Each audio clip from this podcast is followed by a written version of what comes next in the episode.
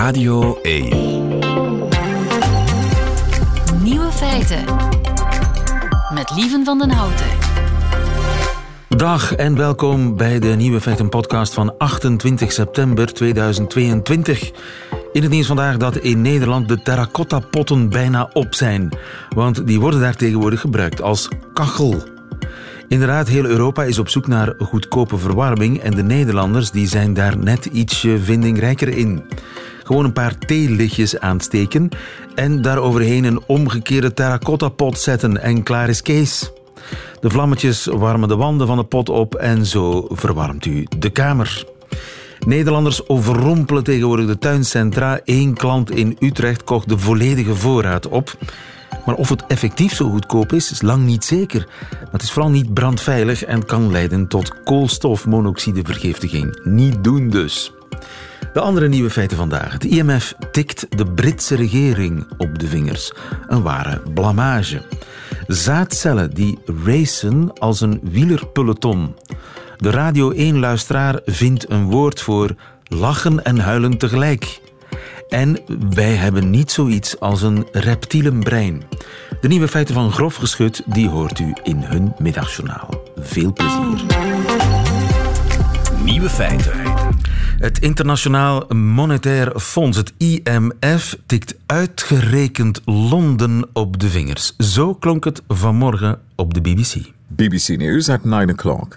The International Monetary Fund has issued a rare rebuke to the UK, warning that the government's tax cuts are risky and could accelerate inflation. The IMF urged ministers to re-evaluate the parts of Friday's mini budget which benefit top earners. There's been turmoil on the financial market since the plan was announced, with the pound losing a significant portion of its value against the dollar. Ja, hij uh, klinkt heel kalm, zoals het de BBC-nieuwslezer betaamt. Maar eigenlijk is er sprake van paniek hè, in Londen. Paul de Grauwe, goedemiddag. Goedemiddag. Uh, u bent professor aan de London School of uh, Economics. Mm -hmm. Wat is er eigenlijk vrijdag gebeurd? Ja, dat was de aankondiging door de minister van Financiën. Um, die dus met zijn budget, hij noemde dat een mini-budget, naar buiten kwam. Maar dat was eigenlijk een, een maxi-budget van belastingverminderingen. Hè. Dus drastische belastingverminderingen, vooral voor de hoogste inkomens, plus dan nog um, voor, voor bedrijven. En um, dat heeft natuurlijk tot gevolg dat er een groot gat in de begroting wordt geslagen. En, en ja, de markten hebben daarop gereageerd. Het pond is naar beneden geduikt. En, en de, de rente op uh, staatsobligaties die de schatkist moet betalen, ja, die is ook enorm gestegen. Dus die ligt nu op het niveau, bijna op het niveau van Italië en Griekenland. En dat is toch merkwaardig, ja. Ja, en het is daarom ook heel merkwaardig dat het IMF, want ja, het IMF, dat wordt toch geleid ook door de grote westerse mogendheden, waaronder de UK. De UK is eigenlijk, ja, bij wijze van spreken, baas of coördinator van het IMF. En datzelfde IMF tikt Londen nu op de vingers. Ja, dus het belang van, van het Verenigd Koninkrijk in het IMF mag ook niet overschat worden. De Verenigde Staten zijn de belangrijkste partner daar. Hè. Maar, maar goed, het is inderdaad uh, bijzonder dat het IMF uh, zo sterk naar buiten komt om, om te zeggen tegen een van de landen die toch belangrijk zijn in het fonds. Ja, je hebt een totaal verkeerd economisch beleid en, en je neemt grote risico's en het is beter van het om te draaien. Ja. ja. En die risico's, ja, dat, zijn dan, dat is dan vooral de, de pond die dan naar beneden duikt. Dat heeft enorme gevolgen voor bijvoorbeeld ja, de industrie, die mensen die, bedrijven die in dollars hun grondstoffen moeten kopen. Ja, dus uh, natuurlijk zoiets is een tweesnijdend zwaard. Hè. Langs de ene kant, zoals u terecht zegt, uh, alles wat ingevoerd wordt, wordt duurder. Hè. En, en vermits energieprijzen al zo sterk gestegen zijn, betekent dat een bijkomende last voor de huishoudens in Groot-Brittannië plus de, industrie. Natuurlijk, zo'n depreciatie van de munt, dat, helpt wel de exporteurs, degenen die, die buiten um, het land verkopen, die, die gaan dat dus wel iets gemakkelijker hebben. Maar goed, uh, als je dat allemaal optelt, blijft het toch een, een, een negatief effect. Ja. ja, ik zag iemand, een, een jongeman op de BBC gisteravond getuigen dat hij vorige week ging uh, uh, kijken voor een lening hè, bij een bank. En ja. hij zou 1200 pond moeten betalen en vandaag was het al 1800 pond voor diezelfde lening. Ja, ja, tuurlijk. De, de, de mortgage rates, de, de hypotheekleningen, die worden ook sterk en snel duurde, hè, omdat de rentevoeten zo snel zijn gestegen in Groot-Brittannië. En dus dat gaat een enorme klap zijn voor veel mensen die ja, die, die met variabele rente zitten. Hè. En de meeste contracten zijn op basis van variabele rente. Die gaan dus plots geconfronteerd worden met enorme bijkomende uitgaven. Plus de energiekosten daar nog bij. Dus de politieke implicaties daarvan voor de conservatieve regering zijn niet te overschatten. Hè. Dus de, de, uh, ja, dus de credibiliteit van die regering is, is, is naar beneden gestegen. Het was al zwak maar nu, zo'n klop, ze zullen echt iets moeten doen om dat om te draaien. Ja, maar wat was eigenlijk hun bedoeling? Ja, dus eh, ik denk dat de oorsprong ligt in ehm, dus de, de, verkiezingen eh, binnen de conservatieve partij. Hè. Boris Johnson heeft uh, moeten ontslag nemen en dan is er een, een, strijd aan de gang geweest om verkozen te worden als um, voorzitter van de conservatieve partij. En die conservatieve partij die, die, die, leden van de conservatieve partij die zijn nogal extreem zo. En Truss heeft dat goed ingezien. Die heeft gezegd, ja, maar ik ga ook uh, radicale oplossingen aanbieden van um, lagere belastingen, minimale staat, dergelijke dingen. Hè. Die, die, die conservatieve partij. Ja, en die zijn Thatcheriaans, hè? dus die, die associatie met Thatcher. Hè? En dat is buitengewoon populair binnen die conservatieve partij. Er zijn uiteindelijk maar een goede honderdduizend mensen die gestemd hebben hè, op dat moment. En dus zij heeft daar gegokt. Ze heeft zich ook laten omringen door uh, free marketeers, hè, mensen die geloven in de vrije markt, de extreem vrije markt en minimale staat. En ze heeft dan al die beloften gedaan. We gaan de belastingen drastisch verminderen, geen reguleringen meer en dergelijke. Maar nu zit ze vast. Hè. Ze is verkozen ja, op zo'n platform, maar nu zit ze vast. Ze gaat daar moeten uitgeraken. En uh, ja, hoe gaat ze dat doen? Dat is een vraag die ik ook heb. Ja, zal ze een bocht maken of zal ze in, in tegendeel heel erg eh, volharden in de boosheid?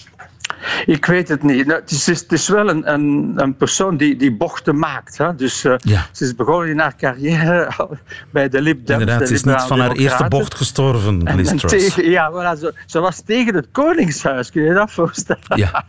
ze wou het presidentieel systeem in Engeland. Daar is ze wel afgestapt natuurlijk. Uh, ze is dan naar de conservatieve partij gegaan. Voor het referendum was ze eigenlijk Um, tegen Brexit, heel hevig. Ja. Dus we moeten in, in, de, in de Europese Unie blijven. En dan na de verkiezing heeft zo'n knie volledig omgedraaid. Is een rabiate Brexiteer geworden. Maar zij, overigens, over, over, de Brexit gesproken, uh, zou dit ook gebeurd kunnen zijn mocht uh, de UK bij de Europese Unie zijn gebleven? Of staat dat daar volledig los van? Ja, dat is, dat is een goede vraag, maar ik kan daar moeilijk op antwoorden. Dat, is, dat kan, hè, dus dat het helemaal anders zou uitgedraaid zijn. Want wat Brexit wel gedaan heeft, dat is de extreme, de polarisering um, ja, aangewakkerd. Wij denken ze zijn daar helemaal gek geworden, hè? Ja, ja precies. En, en zonder Brexit denk ik ja, zou dat allemaal anders geweest zijn, zou Boris Johnson misschien nog aan de macht zijn. Ik weet het niet. Dus uh, ja. uh, het is moeilijk te speculeren daarover. Maar, maar het lijkt mij dat Brexit daar wel een invloed kan hebben op uitgeoefend. Ja, ja. en uh, ze staan bekend voor hun flegma, voor hun gematigdheid en hun pragmatisme. Maar eigenlijk kunnen de Britten ook behoorlijk radicaal zijn. Ja, dat, is, dat heeft mij ook verwonderd. Hè, toen ik naar Engeland trok, zoals u zei, flegmatiek en zo maar ja, je vindt daar niks van terug in de media, zeker niet. BBC wel natuurlijk, maar, maar die populaire media, dat is ongehoord. Wat daar wordt uitgespuwd aan, aan extreme dingen. En, en ja, dat, en dat, zijn, dat was allemaal onder controle van enkele miljardairs en zo. En dat heeft denk ik, het politiek systeem gedestabiliseerd. Ik denk dat ook Brexit mogelijk is geweest dankzij die extreme positie van die, van die uh, media, hè, de Daily Mail en zo. En, en, en ja, ik denk dat dat verloren gaat in Engeland, die, die flegmatische houding. Ja, weinig flegma op dit ogenblik in uh, Londen. Het IMF tikt Londen op de vingers voor een uh, gevaarlijke financieel-economische politiek. We wachten in spanning wat de volgende ontwikkelingen zullen zijn. Dankjewel, Paul de Grauwe, voor uw tijd. Goedemiddag. Graag gedaan. Het ontbreekwoord. Rick de Leeuw gaat op zoek naar woorden die in onze taal helaas nog niet bestaan. En zo is vorige week geboren het woord nesty. Ik heb twee nesties, een broer en een zus. Het woord nestie, dat ontbrak nog in het Nederlands. Maar het is er nu met dank aan u, luisteraar, en aan uh, Rick de Leeuw. Goedemiddag, Rick. Goedemiddag. Rick, jij zoekt en vindt nieuwe woorden voor ons met dank aan de luisteraar van Radio 1. En met dank aan Ruud Hendricks. Goedemiddag ook Ruud Hendricks. Hoofdredacteur van Vandalen en in deze scherpe rechterknoop doorhakker wat je maar wil. Degene die bepaalt welk woord aan de, de ontbreekwoordenlijst wordt toegevoegd. Rick, jij had een opdracht voor de Radio 1 luisteraar vorige week. Wat was ook alweer die opdracht? Um, het, het, het sluit naadloos aan bij het vorige onderwerp hier in de uitzending. Het, we zoeken één woord voor het fenomeen van lachen en huilen tegelijk. Aha, dat heb je soms op, op trouwpartijen. Mm -hmm. Of als je kijkt naar de situatie van Engeland op dit moment. Ja, het is grappig, maar eigenlijk ook om, op te, om, om te huilen. Absoluut. En, uh, en veel inzendingen deze week? Veel, veel, veel inzendingen. En veel luisteraars zochten het in de hoek van de samenstelling van lachen en huilen tegelijk. Je krijgt dan dingen als snotterlachen, sniklachen, glimtuiten, schatertuiten, glimgrienen, griengrinneken, griengrollen, grienegieren. De snikken en grimlachjes van Piet Paaltjes klinken hier overal in door. Ze zijn mooi, maar ik ben benieuwd wat de juryvoorzitter hiervan gaat denken. Ja, uh, de, de, de creativiteit en de ja, poëtische neigingen van de Radio 1-luisteraar die zijn legendarisch. Ja, legendarisch. legendarisch. En dat blijkt maar weer. heb, jij voor, heb jij voor ons... Daarnaast... Ja? ja? sorry. Daarnaast waren er veel combinaties rond emotie. Dus de implosie, de emo-flush, de emotie, de emoruptie. Ja, zelfs emorgasme werd genoemd. Mooi gevonden. Emorgasme. Oké, maar dat heeft allemaal jouw uh, persoonlijke uh, top 5 of jouw favoriete lijst niet gehaald. Want daar ben ik wel Nee, maar nogmaals, het, het, is ook aan de juryvoorzitter natuurlijk. Hè. Maar de top 5 die ik uh, gevonden heb is van Margot Landenweert bijvoorbeeld Schatertranen. Hmm, schatertranen. Mm. Ja. Wanneer zou je die kunnen hebben, Ruud? Schaat, schatertranen. Bij, bijvoorbeeld bij een huwelijk. Ja. ja. Maar, maar, maar, een mooi huwelijk. Ja, maar mijn bezwaar hiertegen, enfin, bezwaar, dat is het tweede lid van de samenstelling. Tranen is eigenlijk de hoofdbetekenis. En ik denk dat we eerder iets, tenminste in mijn ervaring, iets zochten waarbij het lachen voorop stond. Uh, of allebei. Ja, ja, dit zou ook... Geniet, uh, uh, ja, het zijn vandaar, lekkere tranen. Ja, vandaar snotterlachen vind ik beter dan... Oké, oké, oké. Maar goed. Maar goed uh, ik snap je, ik snap je. We zitten nog maar aan het begin van de Eh, top 5. Ja. Precies. Bart van der Bossen zegt duveltjestranen. hey, Dat is mooi. duveltjestranen. Dat is heel mooi. Want dat besta er bestaat iets met duveltjes, hè? Duveltjes kermis. Duveltjes kermis. Wat betekent duveltjes kermis? Als het uh, regent en de zon schijnt tegelijkertijd. Juist. Ja. Dan is het duveltjes Dan kermis. in de hel of duveltjes kermis. Dat is dus heel Die- mooi. Die combinatie- Dat is een kanshebber. Absoluut. Eh, Jochem Heindriks dan, blijdschap. Met, Blijd- met EI en een T. Oké, dat- dat moet je zien op Ja. papier staan voor je het door hebt. Hè? Ja, dat werkt alleen in, in, in de geschreven Goed gevonden. Jochem. Goed gevonden. Blijdschap met EIT van Blijten. Lode van Geiten zegt plieren. Plieren. Plieren. Pl- pl- pl- pl- pl- pl- Plieren. Wat zou daar de verklaring voor plieren? Gieren? eh? Ja. Ik, ik Nee, het lijkt mij een dat? soort Hoe komt, hoe komt samentrekking van, Van wat? van wat? Lode. Weet jij het, eh, Ja, met eh, eh, plezier en gieren. Het, het, Of- het, het mooie ervan vind ik dat het een woord is dat eigenlijk nog niet bestaat. Wat een hele nieuwe ruimte om zich heen creëert. En dat is ook wat luisteraar Mariette Bekkers voorstelt. Zij stelt voor om een geheel nieuw woord te bedenken. Dus geen samenstelling van reeds bestaande woorden. Ze komt met diverse alternatieven. Ze Zegt glaren, greuten, greuzen, strabben, lodden, krielen, Die vrouw heeft rare hobby's. ja, maar ik, ik snap het wel. Het is, het, het is zoiets eh, eh, out of the blue. Zo, eh, Ja. Vanuit een vol- volkomen onverwachte hoek. Ja, een, gewoon een nieuwe klank, een nieuw woord, een, een, een nieuw idioom vormen. Ja, met dank voor de suggestie, Mariette Bekkers. Maar er is maar één iemand die in deze de knoop doorhakt. Juist. Wel. En ik, en ik, en ik neig naar het kiezen voor een woord dat out of the blue is gevormd. Oké. Eh, waarom? Dat gebeurt inderdaad heel zelden. Eh, in het Nederlands doen we dat vrijwel nooit. Het, we doen het wel met, met namen voor producten, met merknamen. Hè, die, die komen vaak uit het niets. Maar voor gewone woorden is het heel moeilijk om zoiets echt ingang te laten vinden. Dus het is eigenlijk een uitdaging voor de Nederlandstalige gemeenschap. Maakt mij wel heel nieuwsgierig. Juist. Wij dus, wij allemaal. Wij Ja. allemaal. En daarom kies ik voor plieren en pliederen. Daar mogen we nog tussen kiezen.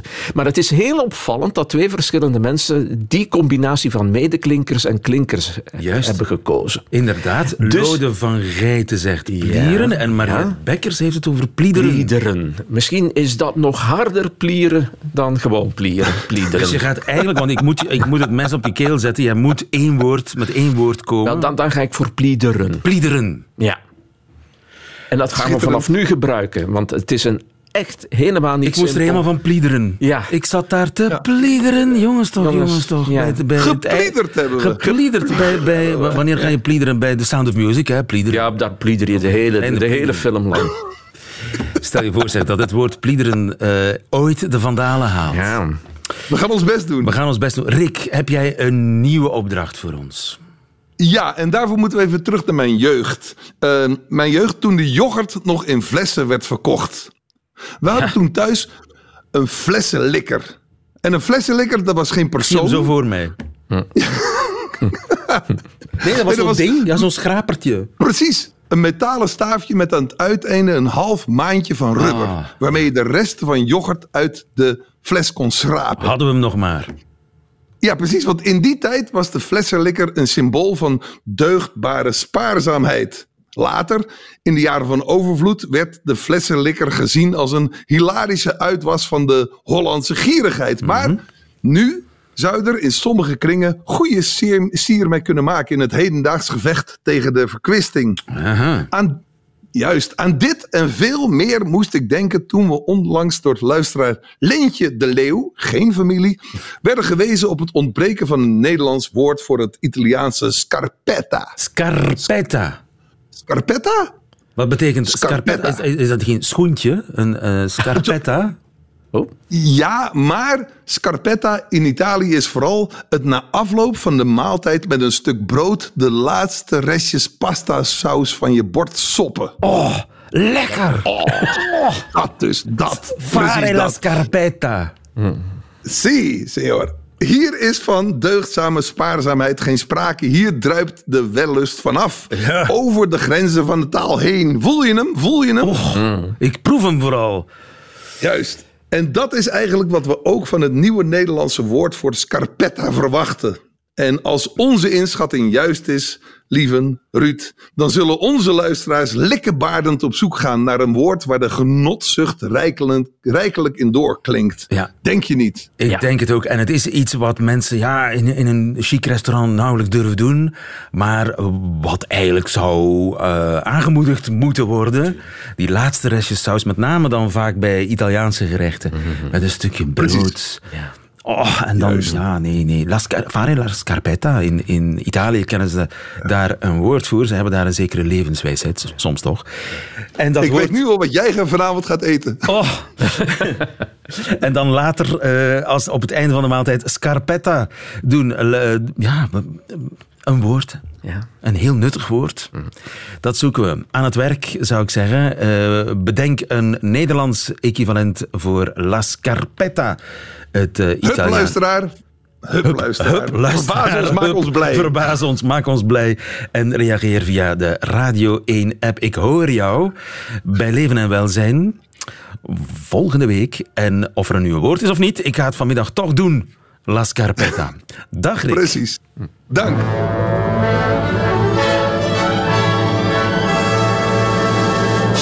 Nieuwe feiten. Het zou een flauwe mop kunnen zijn. Wat is het verschil tussen Remco Evenepoel en een spermacel? Het antwoord geen, want spermacellen die racen als een wielerpeloton. Blijkt uit nieuw onderzoek. Dirk van Dijk, goedemiddag. Goedemiddag, Steven. Eh, professor fysica aan de Universiteit van Antwerpen. Ik dacht altijd dat het ieder voor zich was. Eh, spermacel tegen spermacel knokken om ja, wie het eitje mag bevruchten. Maar de race naar de eicel blijkt is groepswerk. Ja, absoluut. absoluut. Het, het is een beetje gelijk, vergelijkbaar met een peloton, want dat moet ook tegen de wind inrijden. En als je Is dan er collectief... wind in- in de binnenkant van de vrouw? Collectief? Is er wind aan de binnenkant van de vrouw? Eh, nee, maar er is slijm. En slijm heeft ook een visceuze eh, effect en het heeft ook een soort wrijvingskracht. Dus als een spermacel tegen het slijm in wil zwemmen, ja, dan ondervindt het een, een, een, tegenkracht. En dan blijkt dat, eh, dat is de vraag van, heeft het zin om samen te zwemmen? Hè? Dat is dan een tijdje samen zwemmen totdat je in de buurt van de eicel komt en dan zal het waarschijnlijk ieder voor zich zijn. Maar onderweg, hè, vanaf de baarmoeder tot aan door de eileiders, heeft het blijkbaar toch zin om samen te zwemmen in clusters. Het lijkt mij niet eh, zo simpel om dat eh, vast te stellen.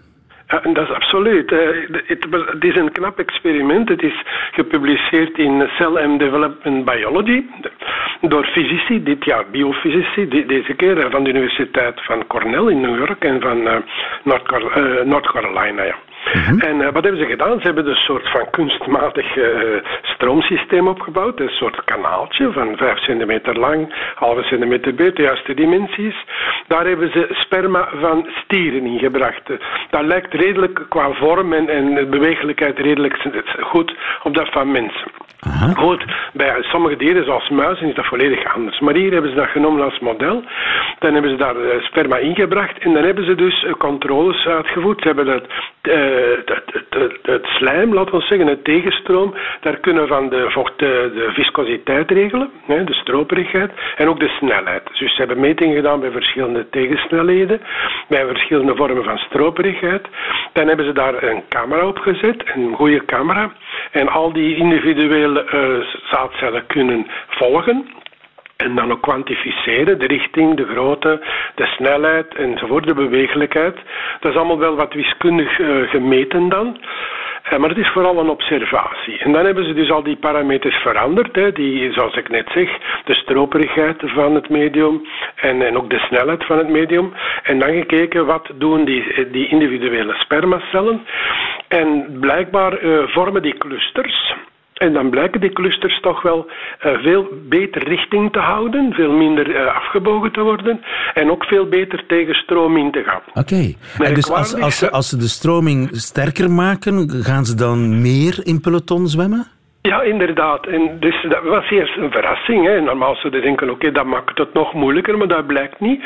Daar hebben ze een eenvoudige uitleg voor. Dat is, elke spermacel heeft ook zo'n staartje dat, dat zwiebelt, hè, dat, dat, dat, trilt om, om vooruit te gaan, gelijk zwemvinnen.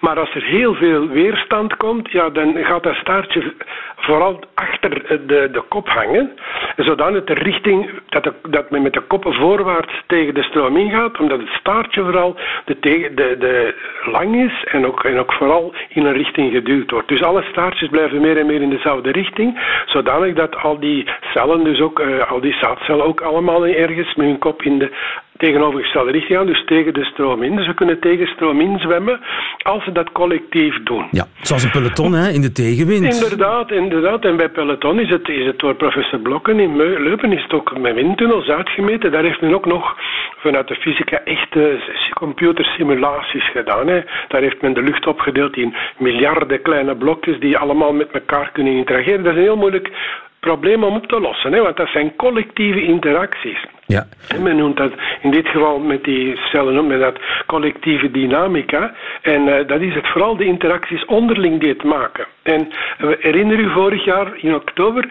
heb ik eens moeten uitleggen uh, waarom dat eentjes op vaste afstand Juist. achter elkaar achter de moeder eend. Absoluut. Die eentjes die, die merken elkaar niet, maar het is de golf van de moeder waar die volgende in valt. En het zijn de onderlinge golven die maken dat ze elkaar toch voelen. Niet door rechtstreeks contact, maar wel door de, de stroming. Ja. En wat ik mij dat daarbij dan afvraag, is er dan zoals eh, in een wielerpeloton iemand die het werk voor een ander doet en uiteindelijk iemand, ja, de, de, echte, de echte winnaar die dan vanuit de staart van het peloton naar voren komt en dan toch, baf, de hoofdprijs eh, binnenhaalt? Ik, ik denk het wel, maar ja, dat heeft men hier niet onderzocht. Hè. Men, heeft, men heeft niet tot aan het gaan kijken. En het kan zijn dat, dat er zijn die heel de tijd kop trekken en uiteindelijk moe zijn dat het toch anderen het overnemen. Ik, ik denk niet dat men het op het individuele strategie. Maar wat wil men om te onderzoeken is, het is nog niet gebeurd, in hoeverre is bijvoorbeeld de vruchtbaarheid van de man eh, belangrijk. Hè?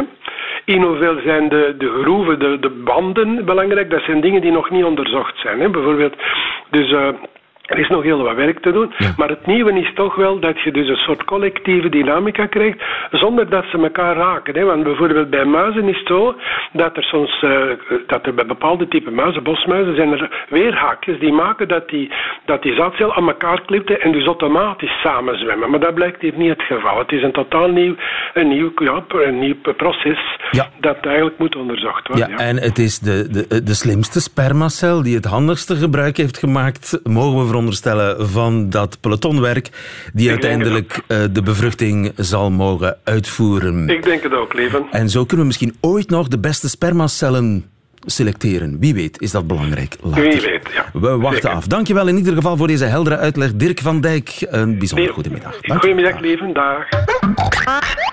Nieuwe feiten. Ik dacht altijd, mijn meest basale driften, eten, drinken, seks, die huizen allemaal in mijn reptielenbrein. En ik voelde mij dan altijd heel chic dat ik dat woord kon gebruiken, mijn reptielenbrein. Maar wat blijkt nu? Dat reptielenbrein, dat heb ik helemaal niet. Geert Machiels, goedemiddag. Ja, goedemiddag. Dokter in de wetenschapsfilosofie, bioloog, schrijver ook. Het is een nieuw onderzoek op hagedissen en muizen dat aantoont dat er niet zoiets als een reptielenbrein in zoogdieren zit. Klopt, ja. En daar hebben we dus eigenlijk uh, 30, bijna 40 jaar moeten op wachten om, om dat uh, ja, uit te vinden. Want dat, dat eerste idee over dat reptielenbrein, of dat mensenbrein wat uit drie lagen zou bestaan, een onderste, primitiefste laag, het reptiele brein, met daarin de instincten en de automatische reacties. En dan daarbovenop het zoogdierenbrein, ja. waar het gevoel en de herinneringen en de gewoontes in zitten. En dan daarbovenop het mensenbrein, met de taal en het abstract denken en het bewustzijn. Dat gaat al ja, sinds de jaren 60 mee. Dat is een, Amerikaanse neurofysioloog, Paul MacLean, die dat had bedacht, zonder daar veel wetenschap uh, tegenaan te smijten. En dat is dan door Carl Sagan, dat is wel een bekende man die veel wetenschapspopularisatie heeft, uh, heeft verricht. Uh, opgenomen in een van zijn boeken als, als een hypothese. Maar ja, daar lezen de mensen dan naast. En dat werd dan alsof dat echt waar was. En dan was er een psycholoog, Piet Vroon, in Nederland, die dat uh, in de jaren 90 echt is gaan ja, verkondigen. Met een boek, en dat, de titel zegt genoeg, De tranen van de krokodil. Ja, dus die, ons verdriet, die tranen, die komen uit ons reptiele brein, zo gezegd. Ja. En, en het, het, waren allemaal pogingen, denk ik, toch wel om, om te laten zien hoe anders de mens is. Hè. De kroon op de schepping, het enige wezen met echt bewustzijn ja. en taal en zo. En daarom schitteren wij zo in de, in de, in de Ja. schepping. En het is ook een heel aantrekkelijk beeld, hè? dat driedelige brein met onderaan reptielen. eh, Dan komt een tweede laag zoogdierenbrein met de gevoelens. En daarbovenop het menselijke, het apenbrein, Ja. de, de taal. De, het is eigenlijk, maar het is te mooi om waar te zijn. Het is te mooi om waar te zijn, want het gaat uit van een, een verkeerd idee over hoe evolutie werkt. Want Dat, dat, dat lijkt dan alsof eh, ja, je begint met wat en daar bouw je nog iets bovenop. En Ja. daar bovenop nog een laag en dan nog een laag. Maar zo werkt evolutie helemaal niet. Het gaat op celniveau en op genen die muteren en die veranderingen veroorzaken. En, en het, eh, het, het, het soort van modulair denken van... wij- zijn ook geen aap waar de, de, de staart afgemonteerd is of zo. Dat, wij, wij, wij, wij zijn heel gelijkend op apen. Zelfs op fruitvliegen. Neem nu fruitvliegen. Wij, wij, wij hebben 14.000 genen die, die zeer gelijklopend zijn met die van de fruitvliegen. Dus wij zijn verwant met alles wat leeft. En die, ja, dat idee dat dat allemaal eh, bouwpakketten zijn die in een andere richting met een ander eh, programma worden eh, samengesteld, dat is, dat is volkomen fout. En wat is dan gebleken in Australië bij dat onderzoek op enerzijds muizen, zoogdieren, en anderzijds eh haagdissen, reptielen? Wel, het, het, het, het zeer boeiende wat daar gebeurd is, en, en dat, dat zegt ook heel veel over hoe de, de hedendaagse biotechnologie of de levenswetenschappen grote sprongen vooruit nemen. Tot nu toe moesten we, als we gingen kijken naar genen en wat daaruit voorkomt, eh, dat is DNA-genen. En Dat is een, een tussenstapje, het RNA, wat we allemaal, kunnen, allemaal kennen ondertussen sinds, eh, sinds de corona en de vaccins die gemaakt zijn op basis van dat RNA. En dat RNA is eigenlijk de boodschap tussen de informatie die in de genen zit en de eiwitten die daarmee gemaakt worden. En wij bestaan helemaal uit eiwitten, dus dat, dat systeem is voortdurend aan de gang. En nu heeft men systemen bedacht om dat messenger-RNA in kaart te gaan brengen.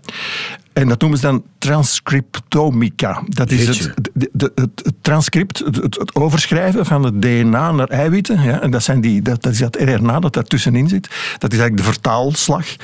En die kan men in kaart, dat RNA kan men in kaart gaan brengen. En vroeger deed men dat in een heel stukje weefsel en dan maakte men er een smoothie van, bij wijze van spreken. En dan ging men al dat RNA dat daarin zat in kaart brengen en identificeren. Maar nu is men zover dat men dat kan gaan doen in één cel. Dat wil zeggen dat je in één cel kan gaan zien, het gaat dus over, over tienduizenden uh, RNA-moleculen, allemaal verschillende, met allemaal verschillende instructies en boodschappen. En die kan men in kaart gaan brengen. En niet alleen uh, in zo één cel, maar dus in verschillende weefseltypes. En dus als je in de hersenen van zo'n baardhagedis gaat kijken en in die van de muis, dan vind je dus een grote mozaïek van allemaal uh, cellen die verschillend zijn van elkaar. En dan zie je dat er heel veel gelijkenissen zijn bij sommige cellen met tussen de cellen van, die, van de neuronen van, van, de, van de muis en die van de hagedis, maar ook veel verschillen. Maar die zitten helemaal door elkaar. Die zitten dus niet in lagen opgestapeld op elkaar, zoals het, het drieledige breinidee zou doen vermoeden. Die zitten allemaal verweven in elkaar, een soort van een, ja, een tapijtweefsel waarin oud en nieuw uh, door elkaar loopt en connecties maakt met elkaar. En daardoor, doordat er bepaalde cellen evolueren, muteren, nieuwe mogelijkheden krijgen in connectie met die anderen. En dat zo dat brein geëvolueerd is. Juist. Dus de, de, de, dat reptiel heeft eigenlijk ook al een zoogdierenbrein. Wel ja, de, de, er zijn analoge uh, onderdelen van die reptiele hersenen die, die heel gelijklopend zijn met die van, van, van de mens zelfs. En dan zie je, en dat is ook niet verwonderlijk, want, want ook reptielen die doen verbazingwekkende dingen. Schildpadden die met behulp van het aardmagnetisch veld terug kunnen naar hun geboortestranden duizenden kilometers verder. Of een krokodillenmoeder die voor haar kroost zorgt. Of een woestijnhagedis die in sociale groepen leeft s'nachts. Dat zijn allemaal dingen die complexe gedragingen uh, met zich meebrengen en waar sturing moet zijn. Geheugen, uh, coördinatie, uh, leggen van associaties tussen dingen in, het, uh, in, in de omgeving. Dus ook die reptielen die kunnen dingen waar wij, die wij misschien zelfs niet zouden kunnen, omdat zij ook een ander brein hebben, maar die daarom niet minder waardig zijn. En dat is ook het idee wat de laatste jaren steeds meer veld, vindt in, veld wint in de biologie. Dat, dat wij niet het, het enige dierensoort zijn met, met een bewustzijn. Dat er bewustzijn en gevoelens en zo ook in de rest van het dierenrijk aanwezig zijn. Ja, dat is dus echt een paradigma-shift, als het ware. Ja, ja, en mede dankzij die nieuwe technologie, van die single-cell-technologie, om in één cel te gaan kijken wat er allemaal in gebeurt. En, en dat, dat is ja, om, om een idee te geven, het gaat over honderdduizenden moleculen die tegelijkertijd in kaart worden gebracht. En je kan je voorstellen, dat doe je niet meer met de hand. Die, die leg je niet op een tafel om die te gaan sorteren. Daar is ontzettend eh, veel eh, computerkracht bij nodig en algoritmes die patronen gaan zoeken in heel dat. Om te beginnen die, die verschillende moleculen kunnen herkennen, die verschillende RNA-moleculen. Maar die ook gaan kunnen gaan bepalen van waar, waar komen ze veel voor en wanneer niet. En als je dat dan ook nog in de tijd gaat doen, dus je kan cellen in de tijd gaan opvolgen om te zien hoe ze in bepaalde omstandigheden andere dingen doen, dan gaat het over gigantische hoeveelheden materiaal. Wij hebben in ons, en men is dat nu aan het doen voor de mens, uh, om alle celstypes met een heel transcriptoom daarbij in kaart te gaan brengen. Daar zijn we al ondertussen uh, bijna tien jaar mee bezig. En men krijgt dus zo op die manier zicht op hoe ons lichaam functioneert op celniveau en wat die verschillende cellen allemaal doen. En dan bijvoorbeeld in een tumorcel vindt men nu dat, dat bepaalde cellen helemaal anders zijn dan andere en anders functioneren. En nu gaan we, kunnen we gaan uitzoeken welke cellen bepalen dan of die tumor groeit of niet. Hoe wordt die gevaarlijk, bedreigend of niet? En, en dat, dat gaat ons ontzettend veel leren over hoe ons lichaam in elkaar zit, hoe wij gezond blijven en hoe wij ziek worden. Ja, dus we staan nog maar aan het begin van een enorme evolutie in het denken over ons brein en bij uitbreiding over ons lichaam. Dankjewel, Geert Machiels. Hoopgevende signalen. Goedemiddag. Graag gedaan. En dat waren ze, de nieuwe feiten van vandaag, 28 september 2022. Alleen nog die van het Vlaams-Nederlandse cabaretduo Mirte en Lander hoort u in hun middagjournaal. Nieuwe feiten. Middagjournaal. Beste luisteraar. Vandaag is het de internationale dag tegen hondsdolheid. De dag waarop we denken Dat doet mij aan- denken aan Fanny, mijn hondsdol mini-varkentje. Wat? Ja, ja, ik denk dat ik een jaar of dertien was. Eh, wij hadden mini-varkens thuis. Eh, ik had die gekregen voor mijn plechtige communie. Op het verlanglijstje van je plechtige communie stond minivarken. Ja. En, ja, en mam, ai, mama en papa wilden dat natuurlijk niet geven, hè, maar vrienden van hen die kwamen dan toch ineens af met twee kleine biggetjes. Dus ja, ik, mini-varkens, Frits en Robbe. Je zei Fanny. Ja, ja, ja, wacht. Maar dat zijn ook roedeldieren. Hè. Die, die, die moet je niet alleen willen houden. Dat is zielig. En daar kunnen ze ook agressief van worden. Hè. Dat is net zoals bij konijnen. Hè. Dat kunnen eigenlijk niet maken om maar één konijn te hebben. Of, of cavia's. Of, of Terug naar. Fanny. Ja, dus bij ons in het dorp was dat dus geweten. hè. De Severinskes, die hebben minivarkens. En rond mijn dertiende verjaardag eh, werden wij gebeld door de gemeente. Zeg, Severinskes, net toch minivarkens? Eh, we hebben hier in het Schut ook een agressief minizwijn gevangen. Is dat dan ook niet van hulle? Wij ontkennen dat stellig. Maar, maar zouden dan toch eens niet willen komen zien? Allee, lang verhaal kort. Wat dat je dus niet moet doen bij mij, is dat ik dat mag komen zien. Dus jouw reddersinstinct kwam natuurlijk meteen weer naar boven. Fanny had een nieuwe thuis. Eh, Ja, fijn ja. Dus toen hadden wij drie minivarkens. Maar Fanny, die viel dus Robbe en Frits aan. Ik zo... Hij is maar jaren snuit. En die- dus die moest in een apart hok. Eh, en die zag er ook echt niet uit meer. Echt vratten overal en pukkels en vies. Mager, graat, graat, mager. En, en echt zo van die grote tanden. Ik denk dat hij al minstens twee jaar wild was geweest voordat hij bij ons kwam. En agressief naar iedereen die haar hok ook maar benaderde. En je noemde haar Fanny. Ja, ik vond dat hij eruit zag als een Fanny. Allee, ik weet niet, zo'n valse tang. Fanny de valse tang. Allee, niet dat alle Fanny's valse tangen zijn. hè. Het is eerder andersom. De meeste valse tangen heten Fanny. En uiteindelijk hebben jullie haar hoe lang gehouden? Nog twee en een half jaar. Ja, ik heb elke dag na het school, hup, school gedaan. Ik heb vlammen naar Fanny, haar verzorgen, proberen aan te raken. Ay, die knapte dan zo. Ja, die heeft uiteindelijk nog zo'n twee jaar geleefd. Eh, en op de duur kon ik haar dan wel... Allee, het, het, het enige wat haar dan rustig maakte, was als ik die... eh, ay, als ik die masseerde op, op haar rug en dan Riders on the Storm zong. Specifiek? Riders on the Storm. Ja, fijn, ja. Maar jij kon haar dus wel aanraken. Ja, zo wel, ja. Op den duur, ja. En alleen jij? Alleen ik, ja. En ze is dus uiteindelijk gestorven aan hondsdolheid. Nee. Nee, ja, ik weet niet. Fanny deed me daaraan denken. Waaraan is ze gestorven dan? Ouderdom, denk ik. Ja, een morgen doe ik haar hok open en ligt ze dood. En die denkt, ah, voilà, Fanny is dood. Tot, morgen.